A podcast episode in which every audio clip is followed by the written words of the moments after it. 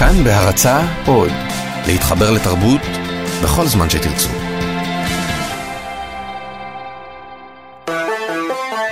פסטיבל כאן. עם דני מוג'ה ויונתן גת.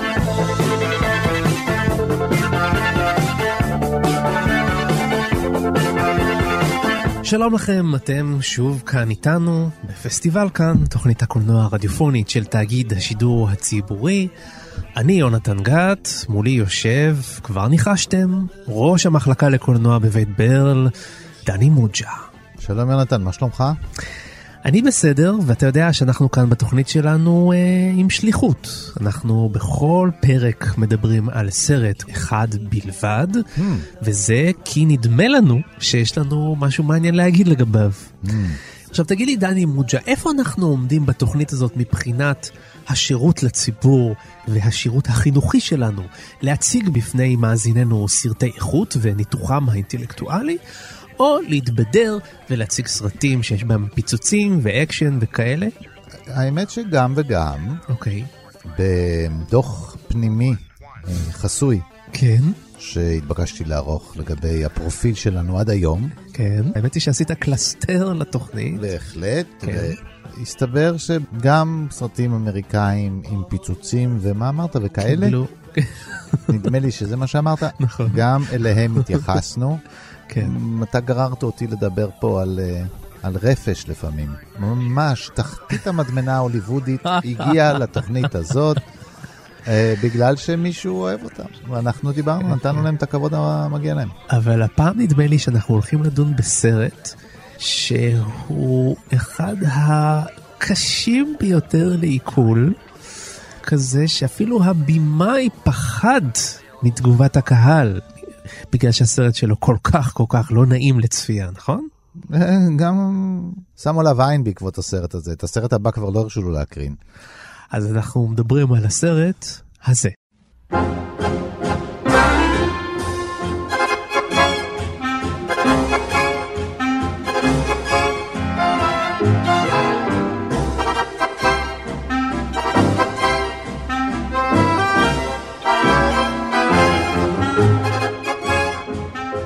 כן, שמענו עכשיו, אה, אנחנו לא יכולנו לשמוע דיאלוג בתוך הסרט, כי הסרט נוצר ללא פסקול בשנת 1929, אבל המוזיקה שאנחנו שומעים היא כזו שהוצמדה לו שנים רבות לאחר מכן, באישורו של הבמאי. ואנחנו מדברים על הסרט כלב אנדלוסי, של לואיס בונואל, הבמאי הדגול הספרדי. ודני מוג'ה, תגיד, אנחנו לא בעצם יורים לעצמנו פה ברגל? בעצם זה שאנחנו uh, מתעסקים בסרט כזה ש... שהרבה אנשים לא ראו אותו, אלא אם כן הם היו סטודנטים לקולנוע בקורסים שאתה מלמד, ומי שראה את הסרט הזה גם כן uh, לא יצא ממנו בהרבה שמחה. לא, רבים מפסיקים אחרי דקות מעטות. נכון. כי מיד נתאר מה גורם להם להפסיק לראות את הסרט, וזה אני לא בטוח שלואיס בונואל לא היה גם מרוצה מזה שעזבו אותו לפעמים בגלל שהוא קצת הקיא את הקהל החוצה. כן. אבל אה, אנחנו עושים ניסוי בעצם היום, אתה יודע שאנחנו, מה, מה הייחודה של התוכנית היום? כן, זאת הולכת להיות התוכנית הראשונה כן, שאורכה יותר מאורך הסרט שנדבר עליו. נכון. כן, הסרט הוא בסך הכל 21 דקות. בהחלט. פחות מחצי, מחצית התוכנית. אבל יש אנשים שיגידו תודה לאל שמדובר רק ב-21 דקות. בהחלט. אבל אתה יודע, אנחנו מדברים על הסרט הזה הרבה לפני שעשית לנו תקציר, אני רואה שאתה מנסה Mm. להתחמק. ולא בכדי. לא בכדי. אם יש משהו שקשה לעשות לו תקציר, כן, או תאריך, כשאני לא אדבר יותר מ-21 דקות, זה משום שהסרט הזה במתכוון מהמם. מקשה על הצופה לאסוף ביחד את אה, אוסף התמונות הנאות שיש בכל סרט, כן. לכדי משהו שמתגבש בעיניו לעלילה סדורה. אין מה לעשות, דני מוג'ה. אני אנסה. כל אחד עושה את תפקידו, אתה מבין? אתה צריך לעשות את העבודה השחורה. תקציר? כן, בבקשה. טוב, אז ננסה.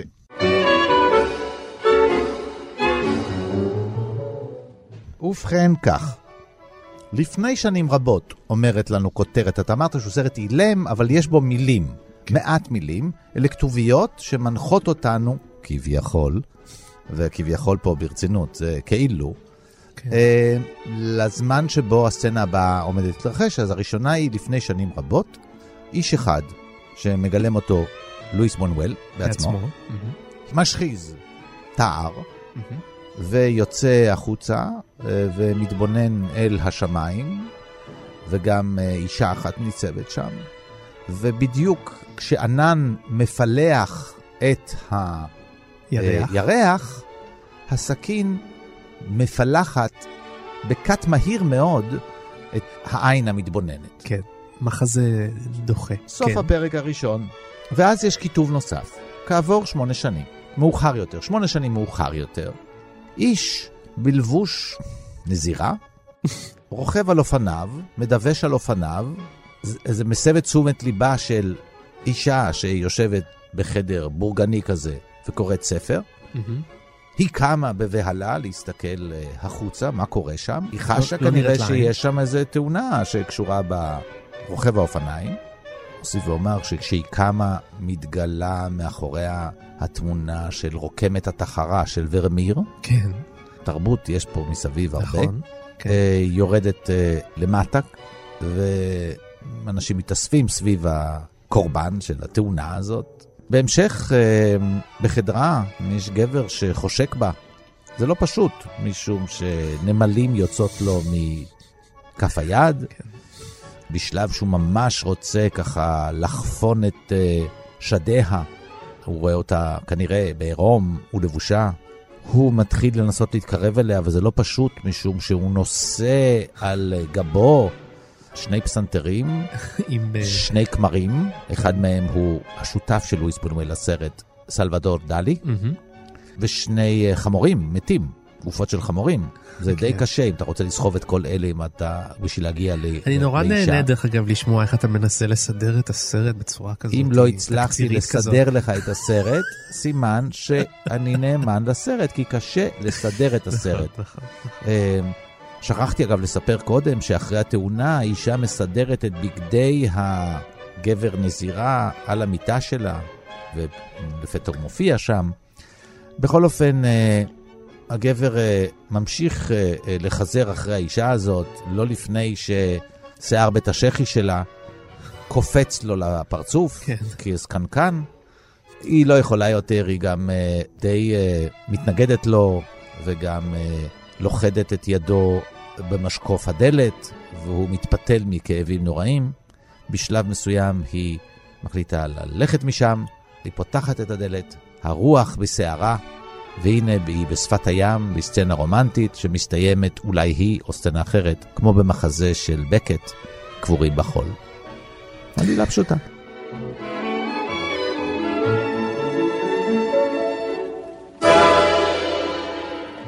יפה, הכל ברור, פחות או יותר יש עוד, אה, למשל, אה, עוד קטעים כאלה. כן, יש... אה, היד בכביש, יש וכל יד כרותה, אותה בכביש. ואנשים שמתאספים סביבה קצת בוא בדומה. נגיד שאם אתה תספר עוד קטעים זה לא יעשה יותר היגיון, כן? המאזינים שלנו לא יבינו יותר את הסרט. אבל אתה יודע מה, בוא נשאל אותך שאלה אחרת. אם זה כזה בלגן, בוקה ומבולקה, וכאילו אימג'ים, אני גם כן שמעתי את בונואל אומר, הוא יצר אימג'ים שאין להם שום קשר אחד עם השני. למה זה הפך להיות כזה masterpiece שמדברים עליו גם uh, 90 שנה כמעט אחרי שהוא נוצר? יונתן, אתה שואל אותי שאלות אה, כבדות משקל. כן. אתה יודע שאני, יש לי רק תואר שני. אמנם, אה, אמנם, אמנם קודמתי במסלול מקביל, כן. אבל אז אומרים לצד התואר שלך, אומרים, יוצר, בהנחה כזאת. כן. יש לנו לידינו הבנתי. דוקטור של ממש, נכון. והוא ירפא לך את המחשבה. דוקטור לתרבות, אה, ומגיש איתי את התוכנית גיבור תרבות כאן בתאגיד השידור הציבורי, ומחבר הספר המצוין שנקרא מתים לראות. שלום לדוקטור דן הרב. היי, אהלן. אז אה, הנה, למה תראה- זה סרט כל כך חשוב? תראה, קודם כל את החשיבות שלו הוא צבר ב, ב, במהלך הזמן. כן. אתה יודע, בדרך כלל התגובה של אנשים לצפייה, וגם היום, החל מהיום גם לתיאורים של דני את הסרט הזה, תהיה תגובה של בהלה, בעתה, נכון. ואנשים שואלים, בשביל מה אני צריך את הדבר הזה בכלל? אם, אם ככה זה נראה ולא מבינים שום דבר, אז מה זה? ואנחנו מתכנסים פה כדי לנסות להבין. אבל אנחנו מבינים שאי אפשר להבין. אבל העובדה שאי אפשר להסביר את הכל דבר דבור על אופניו, לא אומר שאין לדבר הזה משמעות.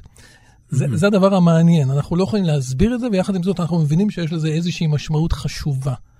זה סרט עם אג'נדה, זה סרט שקשור לאותם זרמים בקולנוע שיש להם קודם כל רעיון, קודם כל סדר יום, קודם כל איזושהי מחשבה חברתית, פוליטית, והם מניחים את הדבר הזה בצורה של uh, קולנוע. זה שייך לתקופה מוקדמת בהתפתחות של הקולנוע.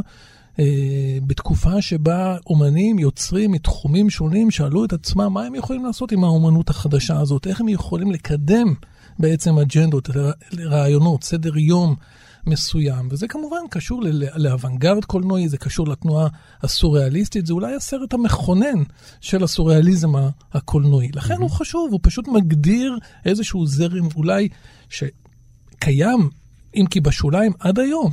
המחשבה על סוריאליזם, המחשבה על התפקיד הפוליטי שלו ועל האסתטיקה הסוריאליסטית מלווה אותנו עד היום, וזה במובן הזה סרט חשוב, כי הוא מניח את התשתית לסוג החשיבה הזאת, לסוג התפיסה הזאת בקולנוע.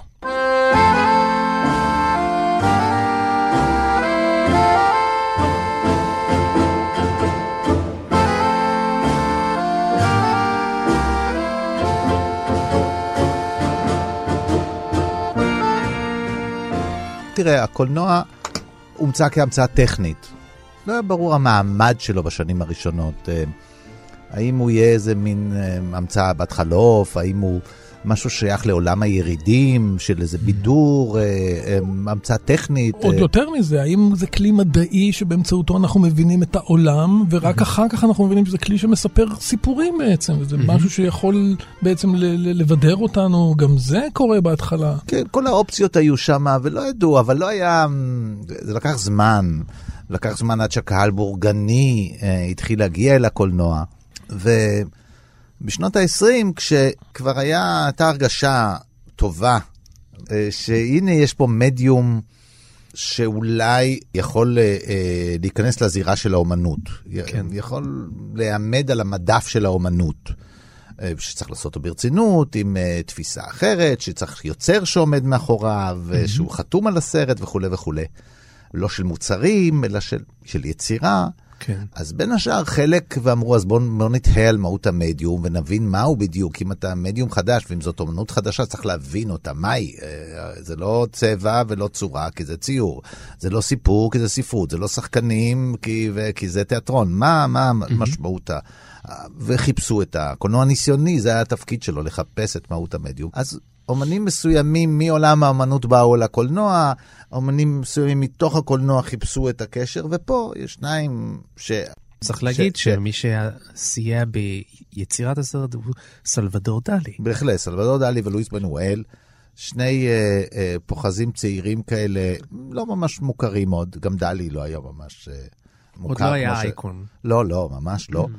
והם עשו סרט סוריאליסטי. עכשיו, הסוריאליזם היה מין תשובה בין השאר, לא רק, כדי לבטא זרם תודעה כמו בחלומות. Mm-hmm. ואז המחשבות הן חופשיות, הדימויים עולים לא על פי נרטיב סדור מראש, שאנחנו מספרים חלום של עצמנו, אנחנו לא תמיד מבינים איך פתאום הייתי פה, פתאום הייתי פה, פתאום הייתי פה, פתאום הייתי פה.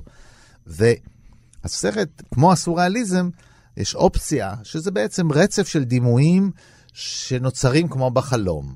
כי בסוריאליזם יש בו אלמנטים ריאליסטיים, אנחנו שומעים בתוך המילה סוריאליזם, מעל הריאליזם, זאת אומרת, הוא לא מתנתק לגמרי מהריאליזם.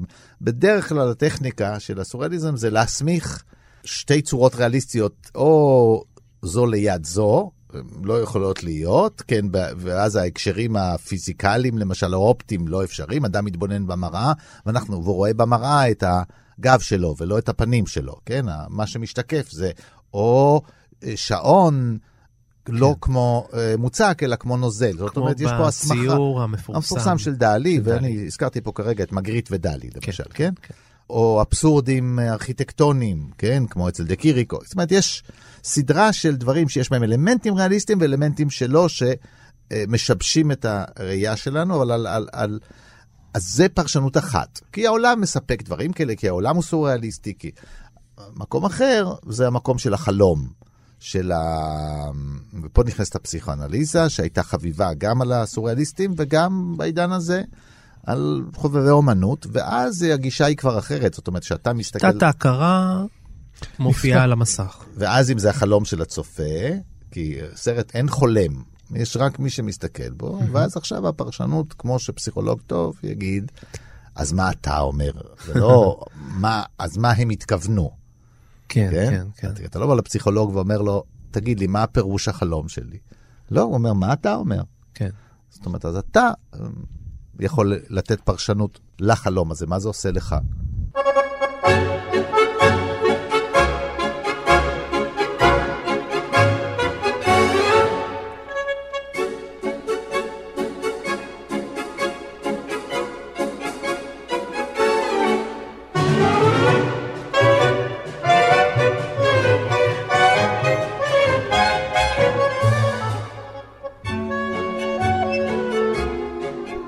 הממד הפסיכואנליטי הוא כמובן המרכז של כל הסיפור הזה, ואנחנו נחזור אליו. אני חושב שאנחנו צריכים להתחיל את הסיפור עוד קודם, ולדבר גם על הממד הפוליטי של הסוריאליזם. הסרט שאנחנו מדברים עליו היום הוא מסוף שנות ה-20. סוריאליזם באומנות הפלסטית מתחיל הרבה קודם. ואם צריך למקם את ההתחלה ולעגן אותה בהקשר פוליטי-היסטורי, אז ההתחלה היא פוסט מלחמת העולם הראשונה. Mm-hmm. מלחמת העולם הראשונה יוצרת את הטלטלה העצומה באירופה, יוצרת טראומה בעצם. וכמו שאנחנו יודעים, טראומות מן הסוג הזה מייצרות תגובה בכל מיני מישורים של החיים, ואחד המישורים זה המישור האומנותי. אנשים בעולם שואלים איך הדבר הזה קרה, איך אנחנו מסבירים את השבר העצום הזה שקורה. באירופה, הוא קורה בלב התרבות המערבית, הוא קורה במקום של המדע ושל האומנות וכן הלאה. כן, כי צריך להגיד שלמרות שאנחנו זוכרים שמלחמת העולם השנייה היא כאילו נכון. הכאוס הגדול, מלחמת העולם הראשונה היא הייתה הראשונה, והעולם עשתה, לא ידע איך לאכול את הדבר. והיא עשתה כן. שימוש בכלים האלה של המדע, של כן. חומר הנפץ, ושל מטוסים וכן הלאה. זה, אנשים זה, שאלו את עצמם, אם האנושות מגיעה כן. למצב כזה, אז אנה אנו באים. כן. כן, ו- ואחת השאלות, אולי השאלה המרכזית, היא איך אנחנו מסבירים את הדבר הזה, איך אנחנו מסבירים את הכאוס הזה, איך אנחנו מסבירים את, ה- את הדבר הזה שאנשים הורגים את אחיהם בצורות כאלה. ההסבר בעצם ש, ש, שהסוריאליסטים מנסחים אותו, ואגב הם מנסחים אותו קודם כל במניפסטים, בכתובים. הם בעצם מדברים על איזושהי תפיסה, ופה זה מתקשר לפסיכואנליזה, שהתודעה האנושית לכודה באיזה שהם כבלים, והתפקיד של האומנות היא לשחרר את התודעה האנושית, פשוט לשחרר את התודעה האנושית מאיזה שהם מיתוסים חברתיים, מאיזה שהם תפיסות חברתיות מקובעות, שהוטמעו בנו ממש מילדות. שה, שהם לא טבעיים לנו, שהם דבר שבעצם זה אינטרסים חברתיים, לאומיים, דתיים, כלכליים, כל מיני כוחות שפועלים על האדם ומונעים ממנו את ההגשמה העצמית שלו ובעצם את הביטוי היצרי שלו. כן. זה בעצם מה שמניע את הסוריאליסטים. לכן צריך לראות את העשייה הסוריאליסטית קודם כל כעשייה של אג'נדה. באנו לשחרר, באנו לזעזע, באנו לעורר מודעות חדשה. כן. זה הסיפור. ועל הרקע הזה אפשר להבין חלק מהאומנות הסוריאליסטית, לא את כולה. יש אומנות שהיא גם, יש בה מימד אה, תוקפני נקרא לזה, אבל הוא, הוא יותר סמוי מן העין, מגריט, הציורים נורא יפים, mm-hmm. אוקיי? אה, אצל דלי זה, זה יותר מטלטל. יפה ומוזר. וכשאנחנו מגיעים אל הסרט הזה, זה מטלטל ביג טיים. לגמרי. נכון? זה מטלטל ביג טיים, זה כמו תקפת טרור. הסוריאליסטים התעסקו בטרור. הם, הם באמת ראו את העשייה שלהם כעשייה טרוריסטית, כעשייה שנועדה בעצם לזעזע, לגרום לנו אה, לשכוח בעצם ממה ש, ממי שאנחנו, ו, ולנסות להתחיל לחשוב על האופן הזה שבו אנחנו לכודים במוסריות, בפוריטניות, באיזה שהן תפיסות של נכון ולא נכון, צודק ולא צודק. אפרופו מה שדני אמר קודם, כל ההבחנה הזאת שלנו למודע ולא מודע, שאז מתחילים לדבר עליה, כן. בעיני הסוריאליסטים היא כמובן שקרית, היא, היא כמובן אבי אבות הטומאה. מה זה מודע ולא מודע? זה, זה הכלי של החברה כדי לעשות סדר בדברים ולהגיד את המודע תגלה, את הלא מודע תחשוף אולי בחדרי חדרים. לא, נכון. הלא מודע צריך להיות בחוץ, זה בעצם שני צדדים של אותו דבר עצמו. התפקיד של האומנות הוא לשחרר את הלא מודע. הוא בדיוק לתת ביטוי לאותם יצרים, דחפים, הדחקות, טראומות ו- וכן הלאה. זה התפקיד. אנחנו יודעים שזה לא מצליח, אנחנו יודעים שגם היום, למה ועוד יותר, יותר מזה היום, סרטים מן הסוג הזה הם נתקלים בהתנגדות. כשאתה מקרין סרט כזה לפורום של אנשים צעירים, הם אומרים, מה הוא חולה? מה זה, אנשים מטורפים? מה זה, זה סטייה. המסר הפוליטי לא, לא, לא מגיע בכלל, וזה נראה כמו גחמה, כמו איזה משהו לא, לא, לא אפוי, לא מבושל עד הסוף.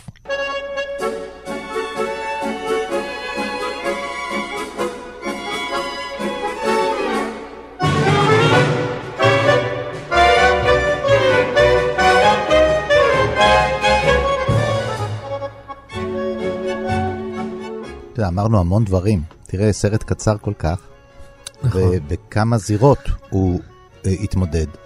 כי גם, אתה יודע, סרט משנה את המעמד שלו ואת המשמעויות שלו לאורך השנים. בוודאי סרט כזה. ככל שסרט יותר פתוח, יש בו אפשרות לפרשנות משתנה, ואיך שקולטים אותו, זה מה שהוא. אתה יכול לבדוק למשל מי נעלב, מי הרגיש מותקף על ידי הסרט הזה. זאת אומרת, זה כן. סרט פוליטי. ובאמת, יש אנשים שנעלבו, שדרשו לאסור את הקרנתו. כן. אם אתה איש הכנסייה, אז כן. יש פה לעג, לעג נכון. ל... ל, ל רים מה זה ש- שלבוש ב... הוא בעצם מזכיר נזירה. מה זה הטשטוש כן, המינים והתפקידים? מה זה הגבר הזה שצריך לגרור שני כמרים. כמרים שאחד מהם מודע לי שככה בעיניו יש לו איזה מין מבט כזה, הוא אפילו לא נראה ממש סובל, כן? ערמומי כזה, אה, והוא צריך לגרור אותו בשביל להגיע לאישה שהוא חושק בה. אה, מה, אני, אז מה אתה משכיב אותי על הרצפה? מה זה מהזלזול הזה? מה זה אתה שם אותי יחד עם חמור מת? מה אתה, אה, זאת אומרת, בלי להבין אפילו מה זה, זה מעליב, יש פה משהו מעליב. אז זה עניין אחד, אתה יודע, שבאמת אפשר לראות את הסרט הזה בין השאר כהתקפה על הבורגנות והשמרנות אה, של הבורגנות האירופאית. עם הקצת פלירטוט עם הדת, עם זכיות חמדה תרבותיות, עם תרבות, עם פסנתר, עם ציור, עם ספר, עם לבושים נכון, עם טניס, וכל הדברים שפעם הם משקלות על האנשים האלה, פעם הם פתאום כלי נשק והגנה, כל הדברים האלה שם ישנם, כן? כל מיני מסגרות כאלה, שנועדו בעצם לעשות את האדם מאושר. אז זו דוגמה אחת. אבל בואו, דיברנו על הפתיחה של הסרט. איך מתחיל? בדרך כלל סרט, הדימוי של קולנוע, זה הזמנה למציצנות. בוא נציץ לחיים של אלה, בוא נציץ נכון. לחיים של אלה. לפעמים זה ממש התוכן של הסרט, נכון? מהחלון האחורי, דרך חור המנעול, ונציץ, נסתכל על העולם ונחדור לחיים של מישהו, כן? אתם מוזמנים. עם האצבע עושים לנו, בואו, בואו אחריי, בואו אני אראה לכם משהו. פה אומרים לנו, רוצה להסתכל שנייה? טראח, חותכים לנו את העין. זה מתחיל בזה שמשספים לנו את העין. עכשיו, זה עשוי בצורה מאוד ריאליסטית הרגע הזה. נכון. עד היום, קשה לראות את דברים שקשורים הזאת. באלימות, בדרך כלל עם השנים מתקהים. אני יודע, סטודנטים, אתה מראה להם איזה סצנת אקשן זה לפני מאוד 40 נכון, שנה. זה מאוד מאוד זה נכון. אומרים, "וואו." כן. ואז אתה צריך לספר להם שזה לא, לא, לא, לא נורא, זה לא היה עין של השחקן או שחקנית, זה עין של פרה. אז מה? ואז הם... ואז הם עוד, עוד, כן. עוד פעם נרתעים. כן. אז זה התקפה על הצופה, זה מתחיל בהתקפה על הצופה. התקפה, זאת אומרת, אל תראה, אני, אתה מסתכל, אני אשסף לך את העין. אתה, איך אתה מזמין ככה מישהו לראות את ה... למה שהוא יישאר? יכול להיות שהתגובה הזאת שאתה אומר, אנשים נרתעים והולכים הביתה, היא כמעט התגובה הנכונה. אני אגיד לך עוד משהו לגבי זה. יש משהו מאוד צורם בלראות סרט משנת 1929, מגורען, שחור לבן, שבדרך כלל אלה סרטים נורא אינוסנטים, כאילו אתה שואל את עצמך כמה רחוק הגיעו ב-1929. ופתאום אתה רואה את הדבר הזה שהוא באמת נראה מאוד ריאליסטי והעין נחתכת ומתפוצצת ונשפכת. אז זה, זה שובר, ממש זה מגעיל, שובר זה- לך, זה שובר לך איזשהו דימוי, דימוי של של עולם... אה, הקולנוע היותר מתייפייף של פעם, שניסה ליצור מין דימויים כאלה, קלאסיים זה- כאלה. כי- ו- כן, כי זה בראש שלנו, וזה אולי גם הסרטים ששרדו, הסרטים האלה שאתה מדבר עליהם, שהם נכון, יותר מענגים אותנו גם היום, ויוצרים איזו תמונה כן. אה, נוסטלגית מאוד, מענגת מאוד של עבר, שאף פעם לא היה. אנחנו נזכיר לך, זה עבר מדמם ביותר, אנחנו בין כן. שתי מלחמות תשמע. העולם, אנחנו בתקופה טרגית בתולדות האנושות. לא היה שם שום דבר יפה. אלימות ואכזריות אה, אה, היו ידועים לאנש, לאנשים האלה. נכון שהקהל העדיף, אנחנו נשארנו עם הסובלימציה של זה בסרטי הסלאפסטיק. כי שם, גם שם יש אלימות, מה זה, הורגים, שחורים, רק יודעים שבסוף לא מתים, איכשהו יוצאים מזה, כן, אבל תחשוב כמה אלימות יש בסרטי הסלאפסטיק. שבסופו של דבר זה הזיכרון היחיד ממש שיש ב... אתה אומר לאנשים, סרטים אילמים, אז אם אתה נמצא במדבר, יגידו, אה, צ'פלין. זה כן. הדבר, אם תרחיב את זה, ויהיו עוד. עוד, אהרון לא יודע, שמן והרזה, זוכרים באסטר משהו, כן? כן. אבל לא באמת. המלודרמה, שנשענת על מילה, אה, באמת הייתה קצת מוגבלת בימי הסרט האלה. אז היא לא המשיכו, הם לא המשיכו לשרוד בתודעה, בזיכרון של האנשים. הסרט הזה המשיך מאוד חזק בהיסטוריה של הקולנוע, יש פה עוד דברים רבים ש... ש...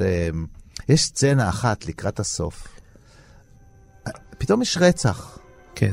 פתאום יש סיפור משנה כזה שהם הגיבורים, אני יודע אם זה הגיבורים, אתה, אתה לא יודע כבר כלום פה, כן? אז זה, אבל פתאום זה נראה כמו, זה יפהפה. זה פתאום נראה כמו סרטי טבע מבשר אה, רנואר. יש בלשים עומדים סביב אה, גופה, יש שם סצנות שאנחנו ראינו אותן בהמשך עד היום. בסרטים על בלשים. כן. אנשים, יש גופה, מסתכלים, לוקחים אה, עדויות מהמקום ואוספים עדויות. זו סצנה לירית, יפהפייה, שהתוותה דרך, כן, בתולדות הקולנוע הצרפתי. כן. בהחלט יש לה מקום והשפעה, אבל זה נמצא גם במרכז האופן שבו אנחנו חווים את הסרט. כי הסרט, כמו שאתה מתאר אותו, הוא גם תעלומה. כי אנחנו אומרים, מה זאת אומרת? מה זאת אומרת? אני לא מבין. אני לא מבין. רגע, אז למה זה? למה? כי הרג... התרגלנו שמה שבא אחרי צריך להיות בהקשר בהקשר. של מקום ו... וזמן. והתעלומה נשאר. זה סרט עם תעלומה מאוד גדולה. מה זה הדבר הזה?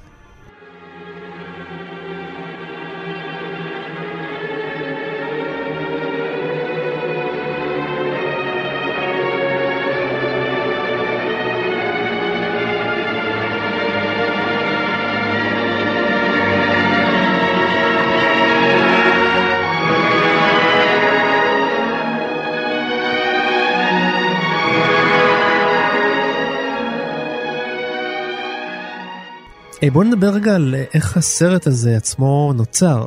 בונואל מספר שהוא חלם על חיתוך העין, והוא דיבר עם סלבדור דלי שחלם שיש לו נמלים על היד. וזה חיבור בין שני החלומות האלה. הוא כתב, בונואל כתב את התסריט בשבעה ימים, מומן על ידי הכסף של אימא שלו. הסרט הוקרן אכן כסרט אילם, ובונואל שם מאחורי הקלעים פטיפון שינגן על רקע ההקרנה.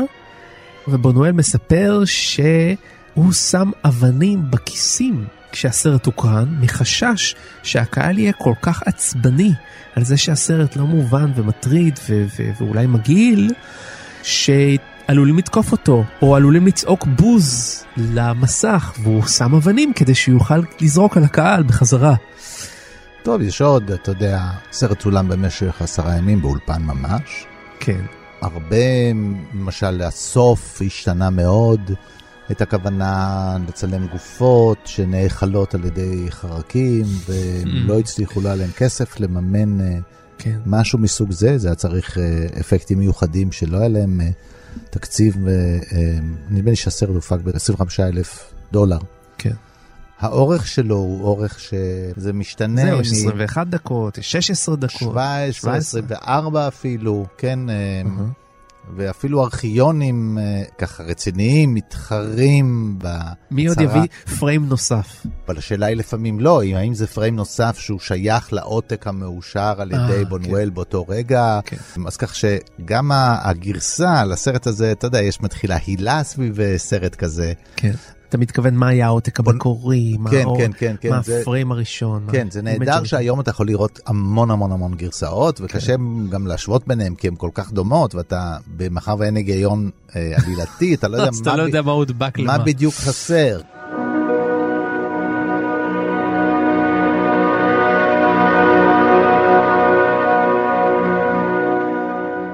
ואיתנו נמצא מישהו שיודע דבר או שניים על אה, קולנוע ניסיוני, חן שיינברג, קולנוען, עוצר וחוקר קולנוע.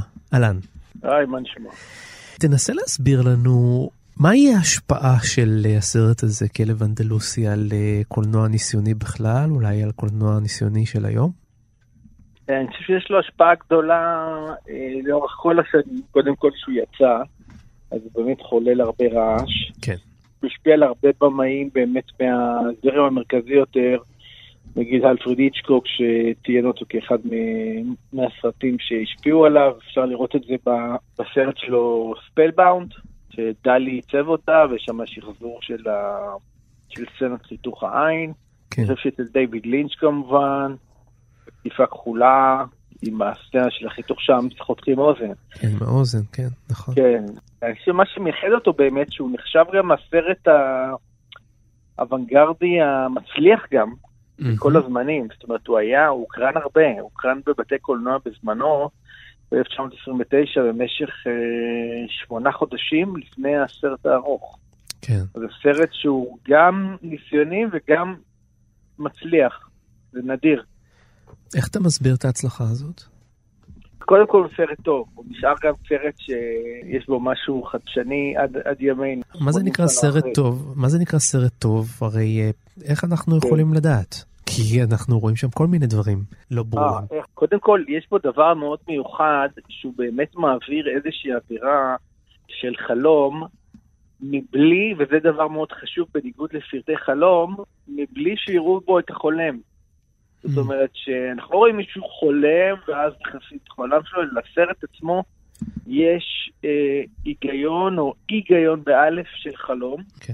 ואני חושב שהסרט הזה הוא גם בעצם, אם בוחנים אותו לעומק, הוא סרט שהוא על העין, כן, על ראייה, אבל צורה מעגלית. הצורה המעגלית של העין היא חוזרת לאורך כל הסרט, זה איזשהו מוטיב חוזר בכל הסרט.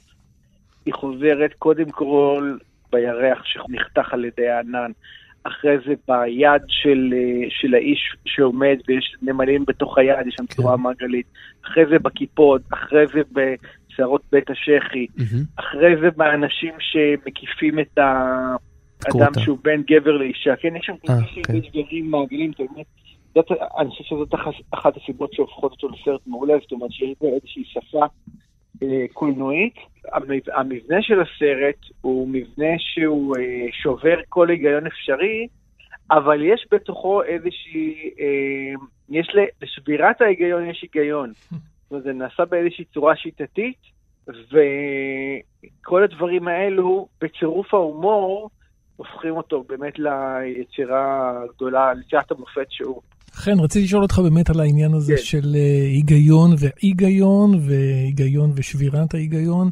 בעצם הניתוח שלך, המ- המאוד מעניין בעיניי, מנסה, מנסה באמת למצוא היגיון פנימי ושפה קוהרנטית וכן הלאה, ביצירה שיוצריה לפחות אמרו, אין שום דבר הגיוני ביצירה הזאת ואסור לחפש בה משמעויות. עכשיו, נכון. אני, ברור לי ש, שגם האמירה הזאת היא אמירה בעייתית, או לפחות אמירה שאפשר, כן. שאפשר לחשוד בה. אני רוצה לשאול אותך, אם, אם, אם במעשה הפרשנות שלך אתה, אתה רואה חתירה מתחת למה שהם זה, או שבמה שהם אמרו זה, אה, זה חלק מחוסר ההיגיון הכללי של היצירה שבה אנחנו עוסקים. אה, נכון, זה, ש- זה, אתה אומר דברים נכונים, זאת אומרת, הם, הם כתבו את התסריט שכל אחד מספר לשני את החלומות שלו, וכל מה שהוא הגיוני, נכון. בניגוד למי שכותב היום תסריט, אז כל מה שהגיוני אמור להיזרק מתוך הסרט ולא להיות. כן, כן. אז אני חושב שהם צדקו בזה שאין לסרט, אין לו אפשרות פענוח אחת, ואין בו היגיון. מה אמרתם קודם? לא רוצ... שאין לו פרשנות? אה, בונואל אמר שלשום סצנה לא תהיה פרשנות הגיונית, שזה כן. היה הקו המנחה היחיד בכתיבה. בהזדמנות אחרת הוא אמר שום דבר בסרט לא מסמל כלום. אוקיי, כן. אני חושב שאם אחד מהם מוסיף, דע לי שדרך פסיכואנליזה אולי אפשר אה, להגיע לנקודות בסרט, אם אני לא טועה. אני חושב שזה מה שיפה בסרט, שאי אפשר למשמע אותו בצורה חד משמעית, וכל אחד בונה את המשמעות שלו לבד. אני ציינתי באמת אה, אלמנטים אה, יותר אה, צורניים שקשורים לעריכה שאתה רואה אותם בסרט, אתה יודע, שאתה כן. לא יכול להתעלם. הצד העיגולי שהוא קשור לעין והמוטיב של העין, זה איזשהו מוטיב שמופיע וכל אחד יכול לפרש אותו בדרך שלו, ואני חושב שזה מה שיפה בסרט, כן. שהוא פתוח לפרשנות, זאת אומרת כל אחד מאיתנו רואה אותו, ובעצם אה, משליך עליו את העולם שלו בתוכו, ולכן הם צדקו שמבחינתם הם לא רוצים גם למשמע ולתת משמעות לכל אחת מהסצנות האלו. וזה קשה לעשות משהו לא הגיוני, כן? שהוא ירתק את הקהל, כן? ושהוא יצליח לפגוע בכל כך הרבה נקודות, כאילו, זאת אומרת, להלום בך גם בראייה שלך, וגם ככה לחשוב על קולנוע ועל, ועל האפשרויות שיש בו, ואני חושב שזה מה שמאוד עובד בו. לכן זה נדמה שדווקא הקולנוע הניסיוני אמ, הלך ו- והתעשייה הזאת הלכה וגדלה מאז, ו- ו- וכאילו הנושא הזה של סרטים, אף אחד היום לא בא בטענות כלפי סרט אקספרימנטלי של... הוא פשוט לא בא. לא, אף אחד לא בא. הבנתי. ההגדרה אוקיי. של סרט אקספרימנטלי. תמיד שואלים אם זה סרט שלא באים אליו, או שיוצאים באמצע. אם אתה יודע שזה סרט אקספרימנטלי, אם חצי מהעולם כן. יותר יוצא באמצע. ויש לי שאלה אחרונה אליך. כן. האם... אה, אני לפעמים מרגיש שההנחיה המרכזית היא קשורה ביחס בין השם של הסרט לסרט. מאחר ולסרט קוראים כלב אנדלוסי, ואין בו כלב, ואין בו נכון. את אנדלוסיה, כן. כן, אז, אבל אה, אנדלוסיה, כן, תמשיך את השאלה. אז כן. אולי אה, זה שיש אה, אה, אש, פרפר כזה, פרפר שעליו גולגולת בסרט, אין לו קשר לשום דבר אחר, חוץ מאשר לזה שהוא פרפר ועליו יש גולגולת. כמו הכלב. אבל הפרפר הזה, שהוא באמת אש, יש עליו גולגולת מוות. אתה יודע, יש שם את המוטיב של המוות והמין ביחד. נכון. וזה אה, גם מופיע אחר כך בשתיקת הכבשים כן. ב-1990. נכון. אז, יש כלב? זהו, שאין כלב, אבל תחשוב דבר מעניין. האם יש כלב בכלבי אשמורת?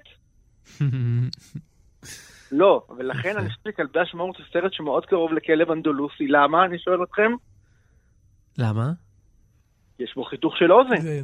נכון, נכון, נכון, נכון. אני חושב שהם דומים במובן הזה, קודם כל, אה, זה לא ניסיוני, אבל האמת שהוא יצא, למרות שקובריק עשה את זה לפניו, את כל השדרה הזאת של הזמנים בשוד, אבל בשני הסרטים אין כלבים, ויש חיתוך של איבר מסוים. כן. חן שיינברג, אנחנו מאוד מודים לך שהיית איתנו. תודה לכם, היה לי לכבוד ומאוד מעניין. תודה רבה. טוב, תודה לך. ביי. להתראות. ביי ביי. ביי.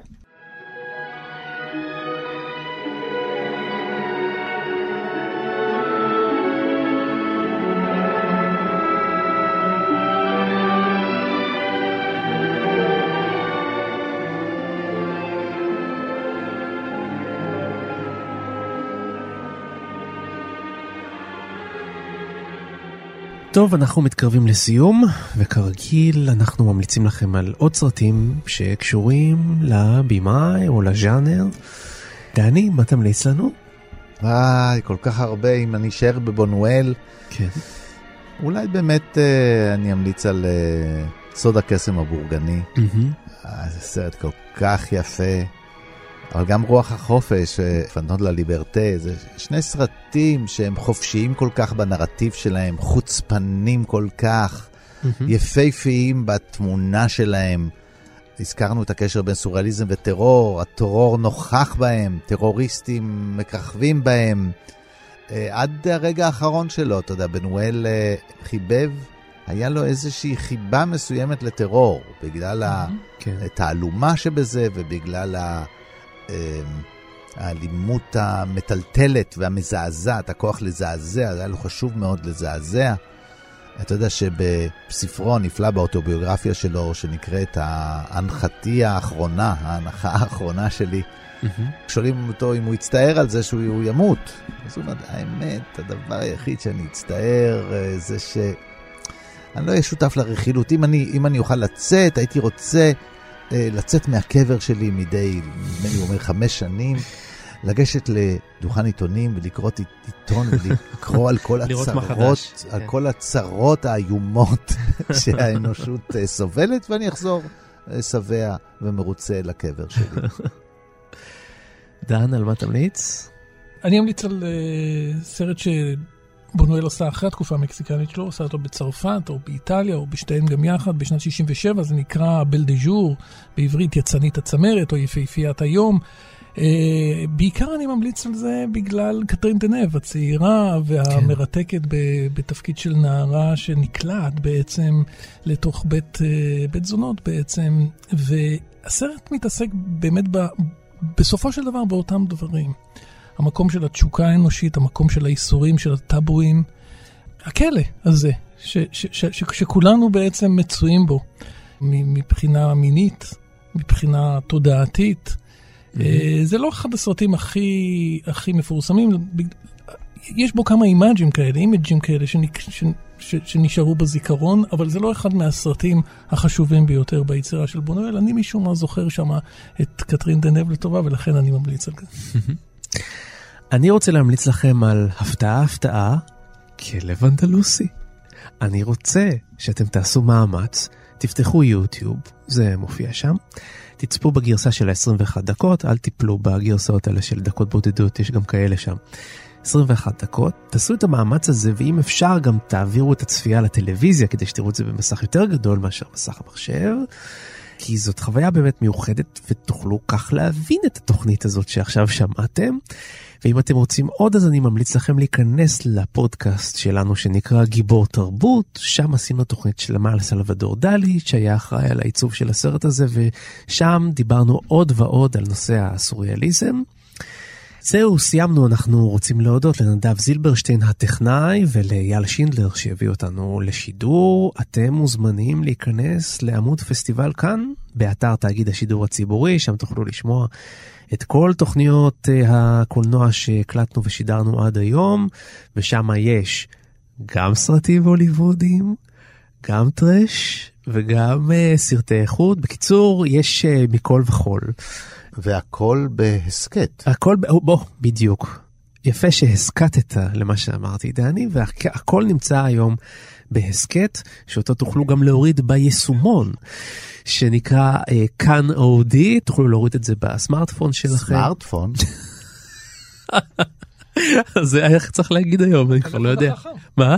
הנייד, תוכלו להוריד את זה בנייד החכם, בדיוק. ואחרי שתורידו את כל ההסכתים מתוך היישומון, וכל התוכניות שלנו יהיו לכם במכשיר הנייד החכם, אתם תגלו שהחיים הם מאושרים ומעניינים ומרתקים, וזהו.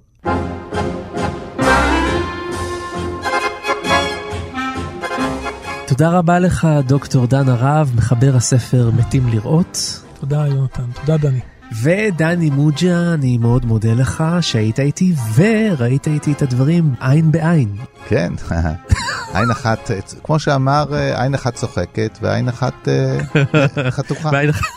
יפה.